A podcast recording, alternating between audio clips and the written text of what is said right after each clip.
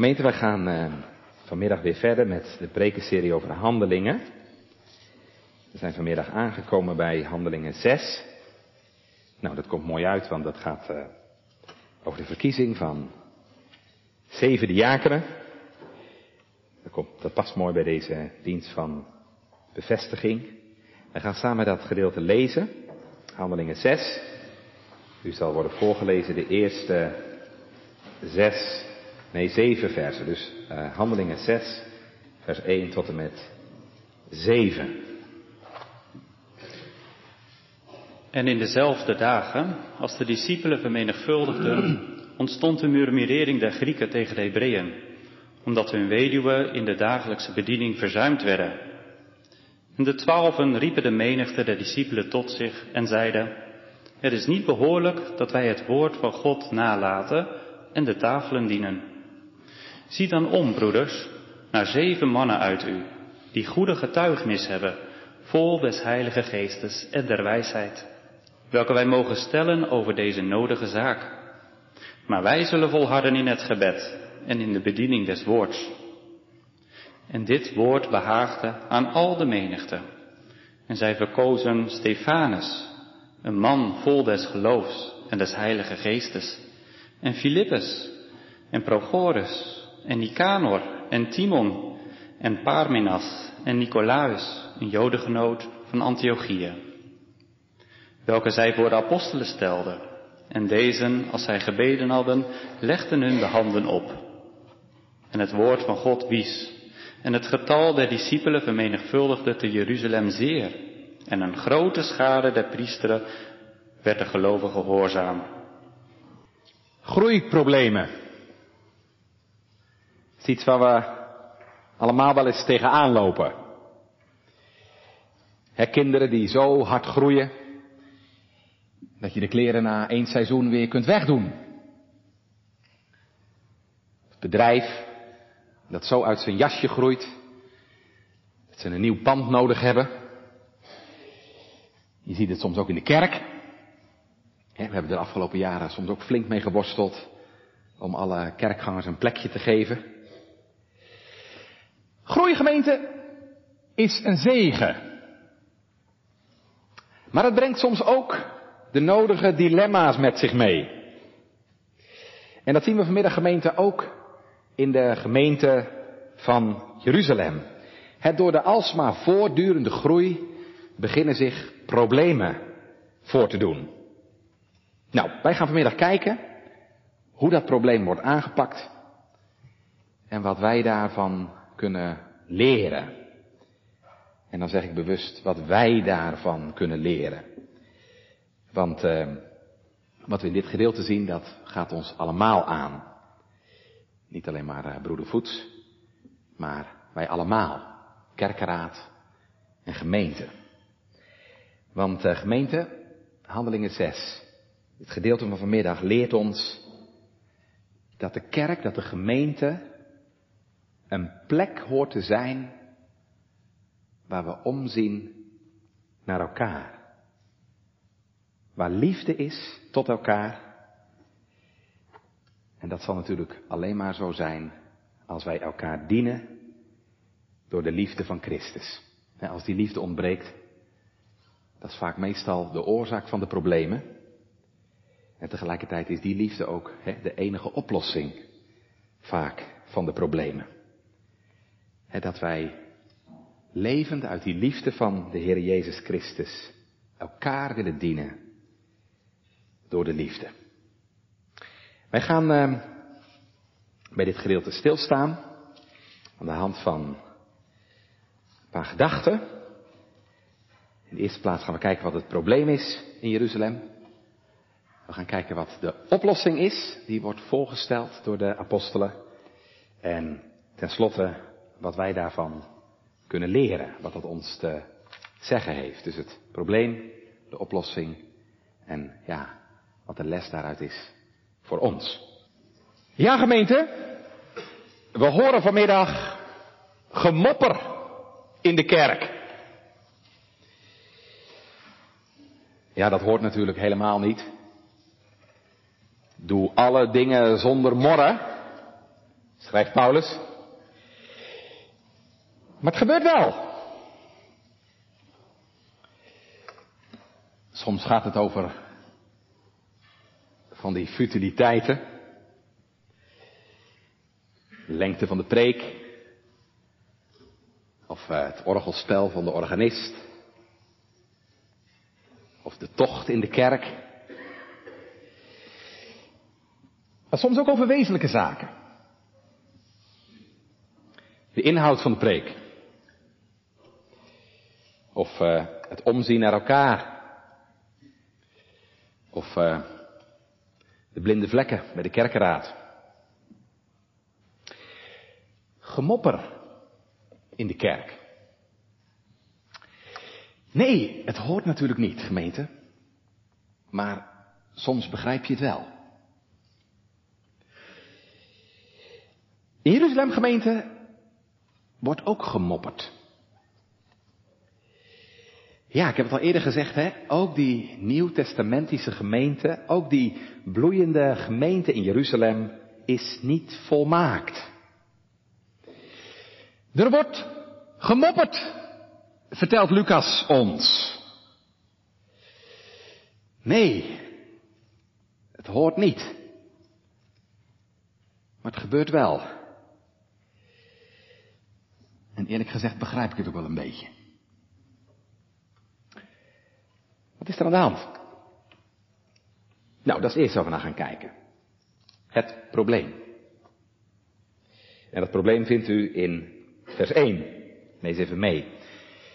En in diezelfde dagen, als de discipelen vermenigvuldigden, groeiden, ontstond een murmurering, gemopper van de Grieksen tegen de Hebreeën, omdat hun weduwen in de dagelijkse bediening verzuimd werden.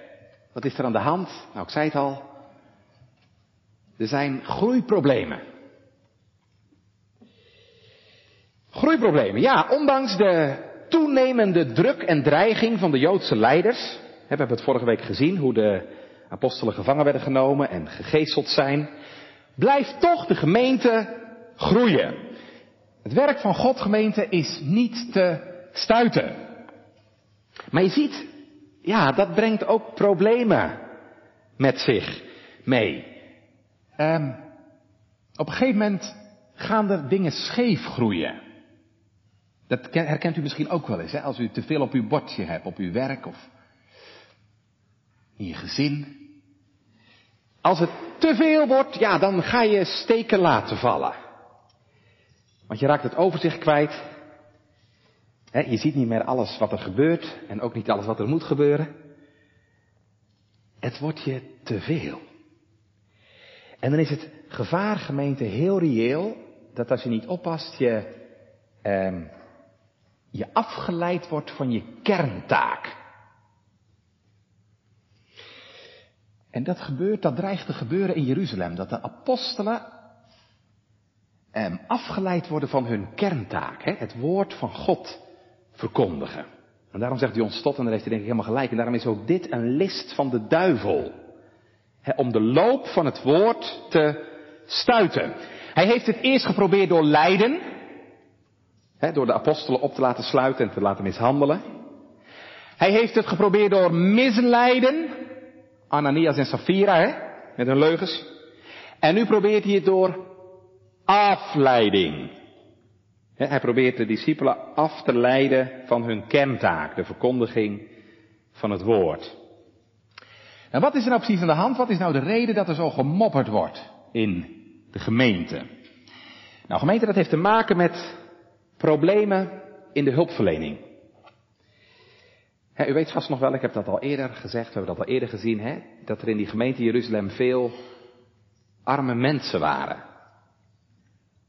Gelukkig was er ook een grote bereidheid om elkaar te helpen. We hebben gezien, sommige gemeenteleden verkochten bezittingen. En waarvan ze dan de opbrengst bij de apostelen brachten. Die het dan vervolgens weer, ja, ervoor zorgden dat het op een goede manier besteed werd. En dat de armen in de gemeente voorzien werden van de basale eerste levensbehoeften. En dan met name dus het dagelijkse brood. Maar daar gaat dus iets mis in. Er blijkt een groep in de gemeente te zijn die, zeg maar, stelselmatig over het hoofd gezien wordt. Ik zeg niet dat ze niks krijgen, maar het lijkt erop dat ze minder krijgen dan anderen. En dan met name minder dan de Hebreeuwse weduwe. En dat zorgt op een gegeven moment voor spanning, dat gaat schuren, dat zorgt voor frictie. Je moet even weten, het is denk ik wel belangrijk om dit te begrijpen. In, in, in Jeruzalem um, woonden twee soorten, twee groepen Joden. Zeg maar twee bloedgroepen. De, de ene groep, dat waren de Hebreeuwse Joden. Dus ja, Joden die echt geboren en getogen waren in Israël. Maar je had ook nog de zogenaamde Griekse Joden. En dat waren dus Joden die hun wortels in het buitenland hadden. In de diaspora, in de verstrooiing. En die vanuit het buitenland weer terug waren gekomen, terug waren gekeerd, verhuisd naar Israël. En die vaak ook in Jeruzalem hun eigen synagoges en ja, ook nog hun eigen cultuur hadden. Um, ik ben verschillende keren in Grand Rapids geweest.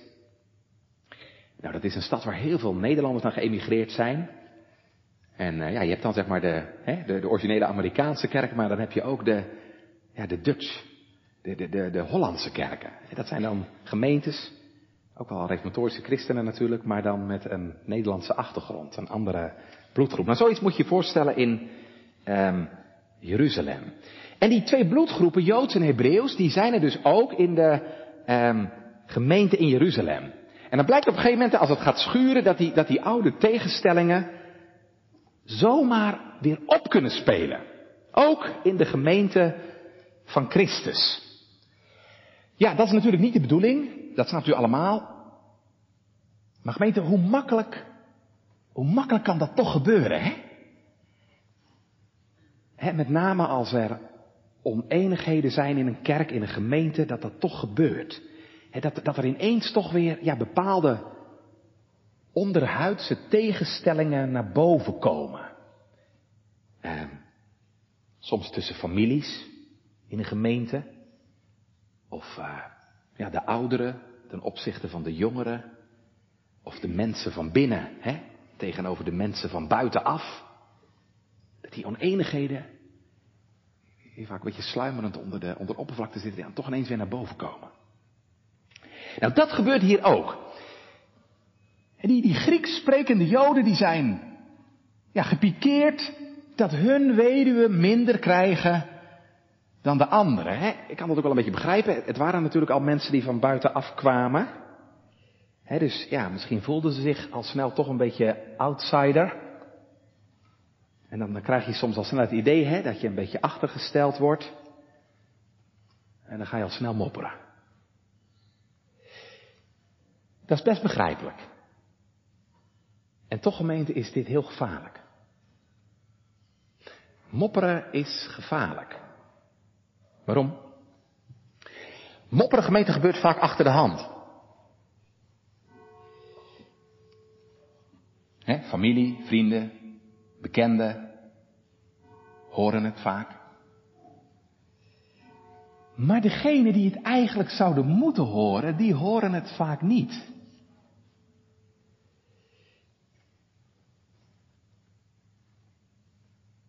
Er wordt wat over dominees en ambtsdragers gemopperd.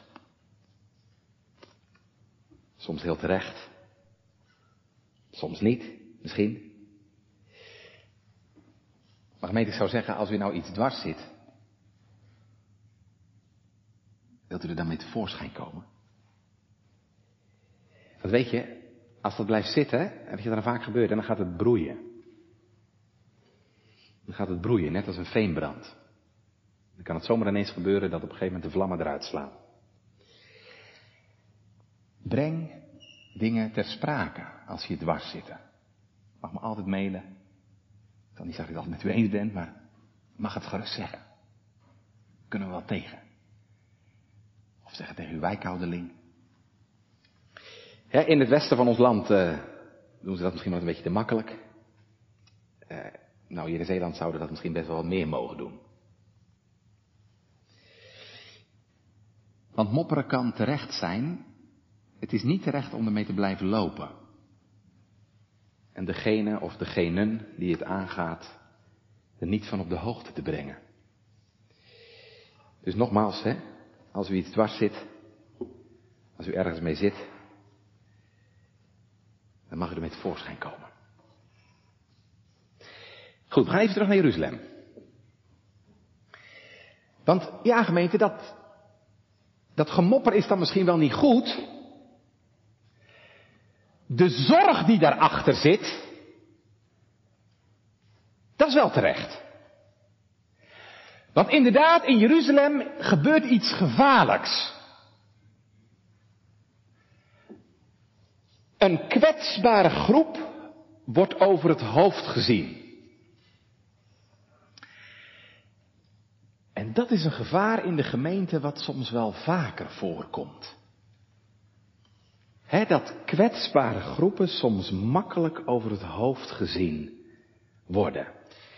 er is in de kerk vaak, ja, best aandacht voor zieken, voor ouderen, voor het jeugdwerk. Maar er is natuurlijk zoveel meer. er zijn genoeg mensen die niet oud zijn en die niet ziek zijn. En die soms toch best grote zorgen en problemen kennen. Er zijn zoveel mensen die wel een beetje extra aandacht kunnen gebruiken. Ik kan me daar best wel eens schuldig over voelen. misschien krijg je dat als je wat, wat langer in een gemeente staat. Je kijkt naar je werk, ja, waar, waar, waar, ben je nou druk mee? Nou ja, ziekenbezoek natuurlijk, ouderenbezoek, huwelijksgesprekken, kraambezoekjes, doopgesprekken, beleidenisgesprekken, jubilea. En dan af en toe is iemand die de moed heeft om uh, met zijn problemen naar je toe te komen. Maar er zijn zoveel mensen die aandacht verdienen. Mensen van buiten de gemeente, die soms weinig mensen in de gemeente kennen. Mensen met een klein netwerk. Mensen die alleen gaan. Die soms zo schuldig voelen dat je aan zoveel mensen en groepen niet toekomt. En natuurlijk, dat hoeft een predikant niet alleen te doen. Maar deze geschiedenisgemeente stelt ons vanmiddag de vraag. Die, die, die, die geef ik aan u allemaal door. Ik geloof dat dat een gezamenlijke verantwoordelijkheid is. He, welke mensen, welke groepen worden bij ons misschien niet makkelijk vergeten? En dan zou ik zeggen, doe daar net als die Grieks sprekende. Kaart het aan. He, breng het onder de aandacht. En, en laten we kijken wat we kunnen doen. Maar ja, je kunt natuurlijk zeggen, ja, dat is een probleem. Mensen over het hoofd zien. Je zou misschien natuurlijk net zo goed kunnen zeggen, het is een uitdaging. Waarom liet de Heer nou toe dat dit in zijn gemeente gebeurde? Deze problemen. Misschien denk je dat wel vanmiddag. Waarom laat God nou toe dat er problemen ontstaan? Nou ja, dat weet ik niet altijd, gemeente, maar misschien is het antwoord wel zodat wij er iets mee zullen doen. He, als een uitdaging voor ons. Om er op een goede manier uit te komen. Waarbij het eindresultaat hopelijk beter is dan het begin. En je elkaar toch kunt vasthouden, ondanks de problemen. Nou, laten we eens kijken gemeente hoe er in Jeruzalem op gereageerd wordt. Hoe pakken de apostelen dit nou aan? Dat is onze tweede gedachte. We hebben gekeken naar het probleem. Letten we in de tweede plaats gemeente op de oplossing. En over die oplossing gemeente zou ik graag vanmiddag twee dingen over willen zeggen. Um, we gaan zo meteen wel kijken welke strategie, welk plan van aanpak de apostelen voorstellen. Maar ik zou u eerst even willen vragen, let u eerst eens even op de manier De manier waarop ze dit aanpakken. Waarop ze met dit probleem omgaan. Want ik denk dat we ook daar wat van kunnen leren. Wat doen de apostelen nou als die klagende, mopperende mensen bij hen komen met hun klacht? Hoe reageren ze daar nou op? Nou gemeente, dan is het eerste wat mij opvalt, ze staan er open voor. Ziet u dat? Ze staan open voor de kritiek. Ze gaan niet in de verdediging. Ze protesteren niet. Nee. Ze nemen, zou je kunnen zeggen, ze nemen een open houding aan. Misschien was die kritiek best wel overtrokken en misschien was er best wel het een en ander tegenin te brengen. Maar hoe dan ook, ze nemen een open houding aan. Ik vind dat mooi. ze zeggen niet, uh, joh, je moet niet zeuren. Of uh, wij zijn de leiders. Nee, ze willen leren van de kritiek van anderen. Dus ja, geen, geen autoritaire houding, maar ik zal het maar even noemen een constructieve houding. Broeders, durven wij dat ook? Vinden we best wel eens lastig. want als je kritiek krijgt, voel je je al snel aangevallen. Ik heb uh, hoofdstuk in mijn proefschrift gehad die ik uh, drie, vier keer heb moeten overschrijven. Dat is best even slikken. En toch gemeente leer je daarvan. In kritiek en ook in onredelijke kritiek zit vaak wel een kern van waarheid. minstens een les die je op jezelf, ja, die je jezelf aan kunt trekken. Wij kunnen dus leren van de apostelen om open te staan voor kritiek. Niet gelijk in de verdediging of in de aanval gaan. nogmaals, of die kritiek altijd terecht is, dat is een volgende vraag. Maar laten we in elk geval beginnen met een uh, open houding. Het tweede, wat me opvalt, ze, ze staan niet alleen open voor kritiek. Ze zijn ook heel besluitvaardig. De apostelen nemen gelijk de verantwoordelijkheid om tot een oplossing te komen. Want ze roepen de gemeente bij elkaar. Want ze beseffen, ja, het is, het is waar gewoon. We hebben een probleem. En er moet iets gebeuren. Dat zeggen ze ook. Neem maar mee. Het is niet goed. Het is niet behoorlijk, vers 2. Dat wij het woord van God na zouden laten en de tafelen dienen. Het is niet goed als wij het een moeten nalaten om het ander te doen. Want u weet allemaal, je kunt meestal niet twee dingen tegelijk goed doen. Ja, vrouwen wel, maar de meeste mannen niet. Je kunt meestal niet twee dingen tegelijk goed doen. Onze opdracht die de Heer ons gegeven heeft is het woord verkondigen. Maar de tafels, en tafels dat slaat hier natuurlijk op de voedselvoorzieningen, de tafels waar het voedsel op werd gelegd, de tafels moeten natuurlijk ook gediend worden. En daarom komen ze met een voorstel. Vers 3. Zie dan om, broeders, naar zeven mannen uit u die goede getuigenis hebben, vol van de Heilige Geest en der wijsheid, welke wij mogen stellen over deze nodige zaak. Zie dan om, broeders, naar zeven mannen die deze taak van ons kunnen overnemen. Ziet u wat er hier gebeurt? Ik vind dat heel mooi.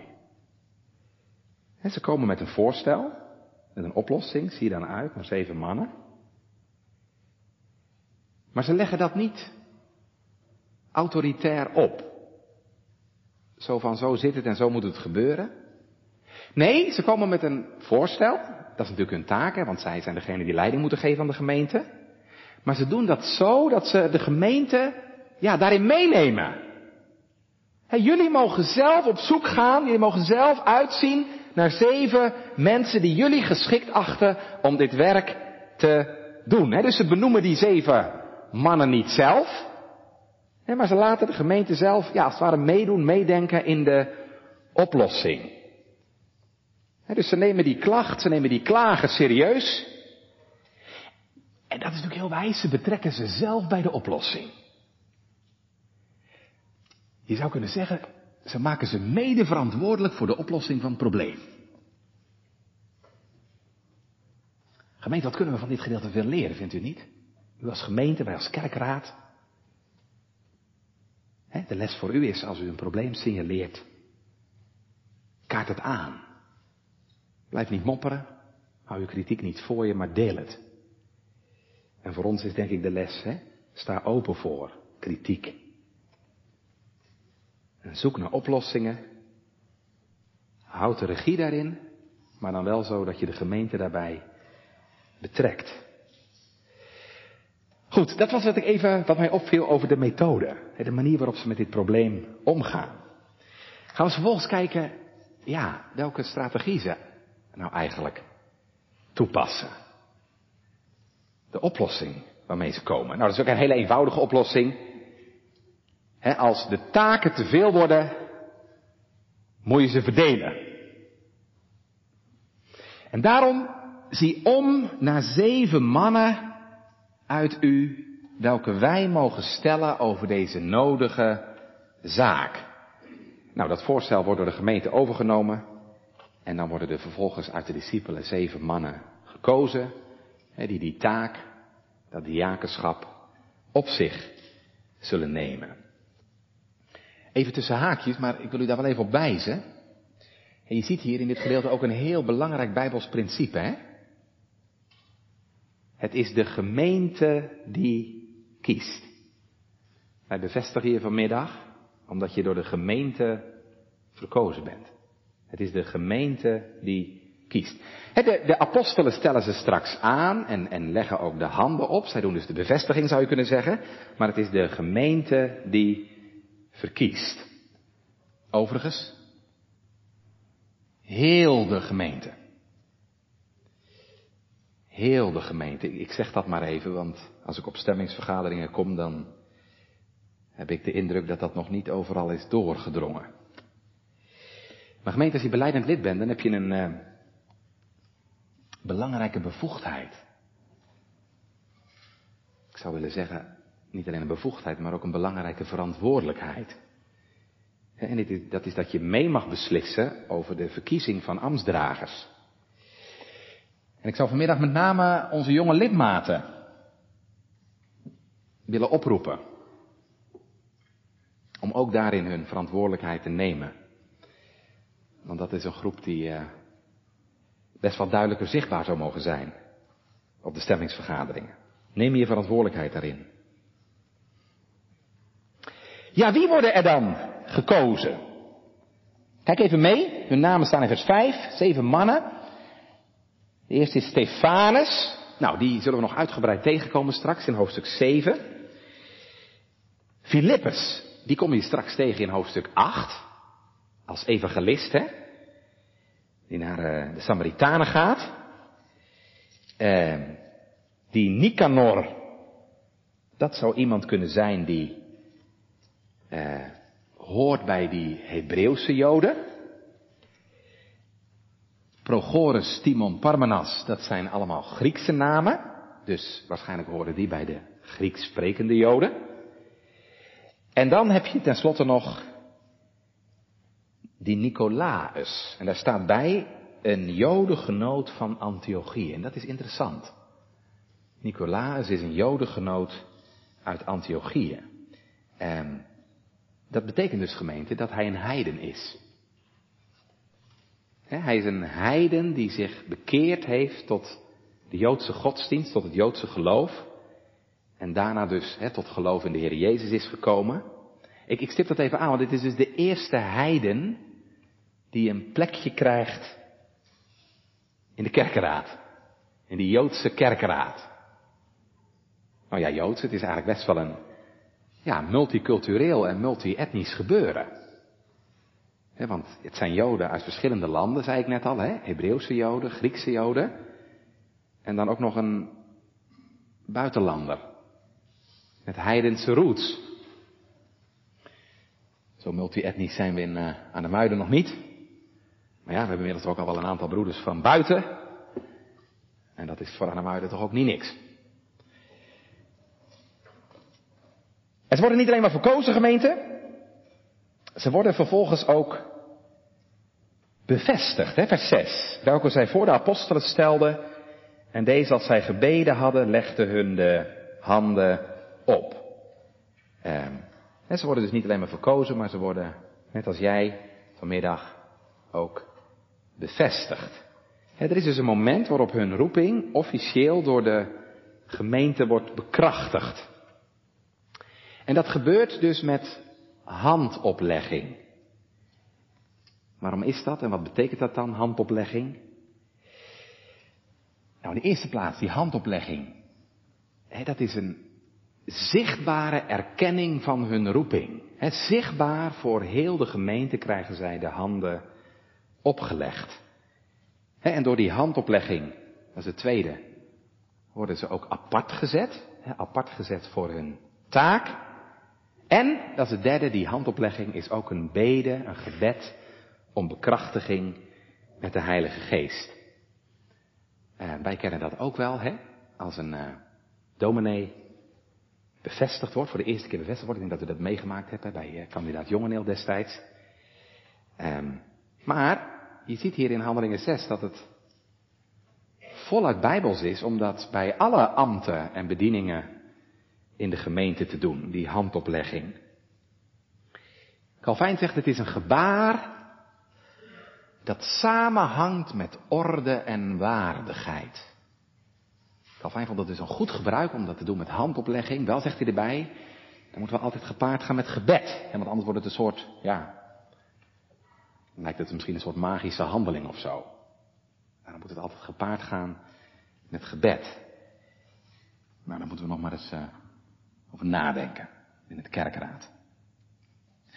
Belangrijkste is gemeente natuurlijk de list van de Satan, de list van de duivel is afgewend. Ik zei straks, hij probeerde door lijden. Hij probeerde door misleiden. En hier dus door afleiden. Dat de discipelen afgeleid zouden worden van hun kerntaak. De verkondiging van het woord. Nou, dat is hem gelukkig niet gelukt, want wat lezen we? in um, vers 7. En het woord van God wies. Het woord van God groeide. En het getal van de discipelen vermenigvuldigde te Jeruzalem zeer. En het is zelfs zo dat een grote schare van priesters aan het geloof gehoorzaam werd. Wat zien we daaraan? Nou, daar zie je aan dus gemeente dat de Heer dus zijn zegen verbindt aan deze stap. dat hij zijn zegen verbindt aan deze nieuwe taakverdeling. En dat betekent ook gemeente, denk ik, dat je het mag omdraaien. Willen wij vandaag zegen zien? Willen wij het woord zien werken, zoals dat in Jeruzalem gebeurde? Dan is het dus van groot belang dat er in de gemeente sprake is van een goede taakverdeling.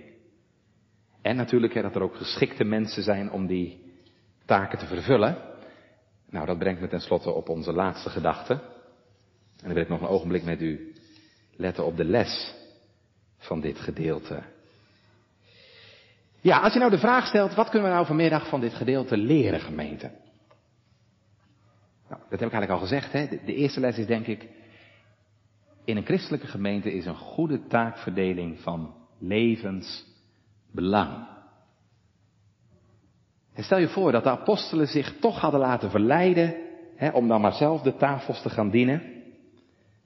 Dan waren ze niet toegekomen aan hun kerntaak. Hè, de verkondiging van het woord. Had de duivel natuurlijk in zijn vuistje gelachen. Want dat is natuurlijk het allerbelangrijkste werk wat altijd door moet gaan. Natuurlijk, hulpverlening is ontzettend belangrijk. En goed beheer ook. Denk aan het werk van de kerkrentmeesters. Goed beheer en administratie is ook ontzettend belangrijk in de gemeente. Maar het allerbelangrijkste is toch gemeente de verkondiging, de doorgang hè, van het evangelie, van het woord. Dat moet doorgaan. Want daardoor komen mensen tot geloof en bekering. En daardoor worden mensen ook bij het geloof bewaard. En ik vind het zo mooi hè, dat de discipelen zich daar niet van laten afbrengen, maar zeggen wij zullen volharden, hè, vers 4, wij zullen volharden in het gebed en in de bediening van het woord. Wat natuurlijk niet wil zeggen, gemeente, dat zeg ik er gelijk maar even bij, wat natuurlijk niet wil zeggen dat die andere dingen die ik net noemde niet belangrijk zijn. hulpverlening in en buiten de gemeente is van wezenlijk belang. Het is in de Bijbel altijd woord en daad. Woord en daad. En het is natuurlijk niet voor niks, hè. Ik wil u daar wel even op wijzen dat, dat hulpverlening, het werk wat de diakenen gaan doen, die hulpverlening, eh, wordt in dit gedeelte net zo goed een bediening genoemd. Let u daar even op, hè. Lucas spreekt in vers 4 over de bediening van het woord. Maar datzelfde woord, precies datzelfde woord diaconia, uh, gebruikt hij in vers 1 ook hè, voor de hulpverlening, voor het diaconale werk. Kijk maar, omdat hun weduwen in de dagelijkse bediening verzuimd werden. Het is dus allebei een bediening. En dat geldt natuurlijk ook net zo goed voor administratieve taken of beheerszaken in de gemeente. En daarom zegt Paulus ook terecht in 1 Korinthe 12, er is in de gemeente verscheidenheid van bedieningen, maar het is dezelfde Here. In een gezond lichaam heb je natuurlijk niet alleen maar een oog of een hand, maar heb je zowel ogen als handen en voeten. Want die heb je natuurlijk allemaal nodig. En wil elke bediening goed functioneren, dan is het dus van groot belang dat je kunt focussen op de kern van je taak. He, voor een dominee de woordverkondiging, de preekstoel, in het pastoraat, de catechisaties, de ouderlingen in het leiden van de gemeente en het opzicht over de gemeente en het pastoraat en de diakenen, de hulpverlening in en buiten de gemeente stimuleren en faciliteren. Ja, en daar ben jij toe geroepen, samen met de andere broeders diakenen. Wat heb je daar nou voor nodig, broeder Voets? Kijk even mee. De apostelen noemen hier drie dingen die daarvoor nodig zijn. Ga ik nog even naar vers 3. Wat ze daar zeggen. Zie dan om, broeders, naar zeven mannen uit u. En dan komt het. Het eerste wat ze noemen. Die een goed getuigenis hebben. Ja, voor een ambtsdrager is het belangrijk dat je een goed getuigenis, dat je een goede naam hebt. In de gemeente, maar ook buiten de gemeente. want dat zorgt ervoor dat ja, mensen niks op je aan te merken hebben. want als ze iets op je aan te merken hebben, ja, dan word je al gauw ongeloofwaardig. Belangrijk. Een goede naam, een goede reputatie. Tweede, nog belangrijker. Vol van de Heilige Geest. Een ambtsdrager, een diaken moet vervuld zijn met de Heilige Geest. Ja, die heb je natuurlijk nodig om je werk te kunnen doen. Hoe zul je dat kunnen doen? Zonder de Heilige Geest. Ja, en als je nou vraagt, dominee, hoe weet je dat dan, hè? Waarin wordt dat nou zichtbaar? Dat iemand vervuld is met de Heilige Geest. Gemeente, dat wordt altijd zichtbaar in een leven van geloof en bekering. En dan is het zichtbaar in je leven dat je op de Here gericht bent. En dat wordt tenslotte ook zichtbaar in de vruchten van het geloof. Bijvoorbeeld in het verlangen om dienstbaar te zijn en je te geven voor de dienst van de Here. En het derde wat hier dan nog genoemd wordt, hè, vol van de Heilige Geest en van wijsheid. Wijsheid. Ja, dat hoort natuurlijk bij elkaar, hè. De Heilige Geest en wijsheid hoort bij elkaar, want Hij is de geest van de wijsheid. En wat is wijsheid dan? Nou, wijsheid betekent in de Bijbel meestal niet dat je heel slim bent of zo. Maar wijsheid betekent dat je van de Here het inzicht, het vermogen ontvangt. En ja, hoe je dingen moet doen. Hoe je dingen moet aanpakken. En het, het, is het inzicht en de vaardigheid om praktisch te handelen. Dat heb je natuurlijk ook nodig. In het ambt. En nou hoop ik, broeder Voets, Jan Willem, dat je wat hier staat in vers 3, dat je dat steeds weer beseft. Dat je dit zo nodig hebt. Vervulling met de Heilige Geest. En met wijsheid. En dat je ook beseft dat je dat zelf niet in huis hebt. En dat je er daarom steeds weer verlegen om zult zijn. En daarom ook om vragen zult. In geloof en met verwachting dat de Heer je dat ook geven wil. Want dat wil hij. Indien iemand wijsheid ontbreekt, dat hij het van hem begeert, die mild geeft en niet verwijt.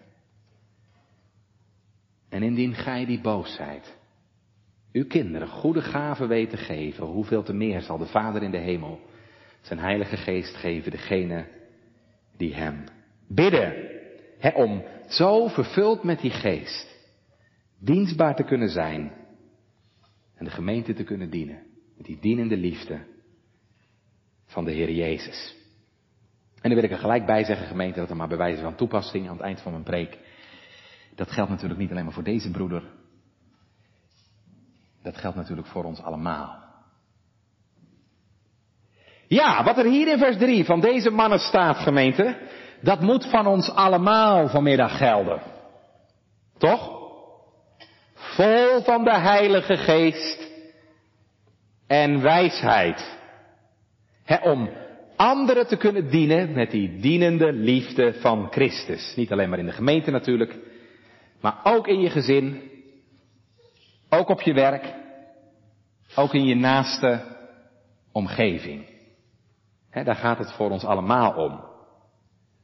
Dat we Hem na zullen volgen.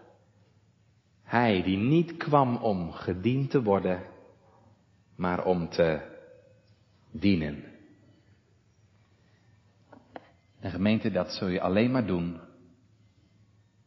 Dat zul je alleen maar kunnen. Anderen dienen met die dienende liefde. Als je de Heer Jezus mag kennen. Als je Hem in je leven hebt leren kennen. In zijn dienende liefde. Daar ben ik diep van overtuigd, hè, dat je anderen alleen kunt dienen. Door de liefde. Als je zelf hebt geleerd. Zelf hebt mogen leren. Om je door Hem te laten dienen. Kent u dat? Mag ik eens vragen, gemeente, heeft u geleerd om u te laten dienen door de Heer Jezus? Mocht de Heer Jezus u al dienen met zijn genade, ontferming, liefde en vergeving? Ken je dat wonder? Dat de Heer Jezus, net als die barmhartige Samaritaan, bij jou stilstond. Toen je niks meer kon. En in je ellende daar lag. Op sterven na dood. In je zonde en misdaden. In je zonde, ellende en pijn. He, dat Hij voorbij kwam. In je leven en bij je stilstond. En je opbeurde. En je diende met Zijn liefde, ontferming en genade. He, dat Hij je wonden ging verzorgen. Dat Hij je optilde aan zijn hart. Kijk, als dat gebeurt, gemeente. Als je Christus mag ontmoeten. In zijn dienende liefde. En er iets van beseft dat hij ook voor mij de hemel heeft verlaten. Om mij te dienen met zijn genade en ontferming. Ja gemeente, dan gebeurt er iets met je. Weet je, dan komt er een verlangen. Dan komt er een verlangen om Hem ook daarin na te mogen volgen. En dan horen we Hem zeggen, ik heb u een voorbeeld gegeven, opdat zoals ik u gedaan heb, gij ook doet. Als je Christus mag kennen, in zijn dienende, zelfopofferende liefde, ja, dan krijg je ook zelf het verlangen om anderen te dienen. Met die dienende liefde van Christus. En ik zou zeggen, gemeente, wat hebben we dat nodig? Hè? Wat hebben we dat nodig in onze huizen, in onze gezinnen, in onze huwelijken, als we getrouwd mogen zijn, maar ook in de gemeente. En juist de gemeente wil de Heer dat een plek is waar omgezien wordt naar elkaar. En waar we elkaar willen dienen door de liefde. En als dat niet zo is in een gemeente, en als dat niet je verlangen is, ja, dan is het de vraag natuurlijk of wij Christus wel kennen. Want als je niet wilt dienen, dan leef je blijkbaar nog met je oude, egoïstische, ikgerichte hart. Dan kent u Christus niet. Dat moet natuurlijk veranderen, gemeente. dan laat je gebrek aan dienstbaarheid vanmiddag zien dat je een zaligmaker nodig hebt. Een zaligmaker die mij bevrijdt van mijn oude egoïstische hart. Nou, ik mag u gelukkig zeggen, die is er.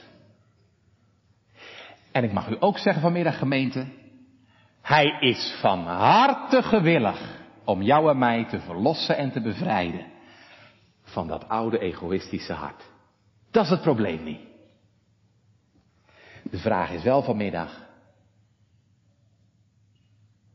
wilt u zich laten dienen door Hem? Kijk, Jezus is gewillig om zondaren te bekeren. Om harten te veranderen. Hij is gewillig om zijn vergeving en genade te schenken. Maar mijn vraag aan u is, en aan jou. Ben jij gewillig om je door Hem te laten helpen? Wilt u zich laten dienen door Hem? Of ben je daar nog te trots voor? Moet even denken aan Petrus, hè? Petrus was te trots om zich door Jezus te laten helpen. U zult mijn voeten niet wassen in eeuwigheid. En wat zegt Jezus dan, Petrus, als ik jou niet mag helpen? Als ik jou niet mag dienen, dan heb jij geen deel aan mij. U kunt alleen zalig worden gemeend als u zich laat dienen door Christus. Omdat je beseft, ik kan mezelf niet helpen. Helpt u me, heren? En daarom gemeente, laat u toch dienen door Jezus. En zeg het dan Petrus maar na. Heren, niet alleen mijn voeten, maar alles.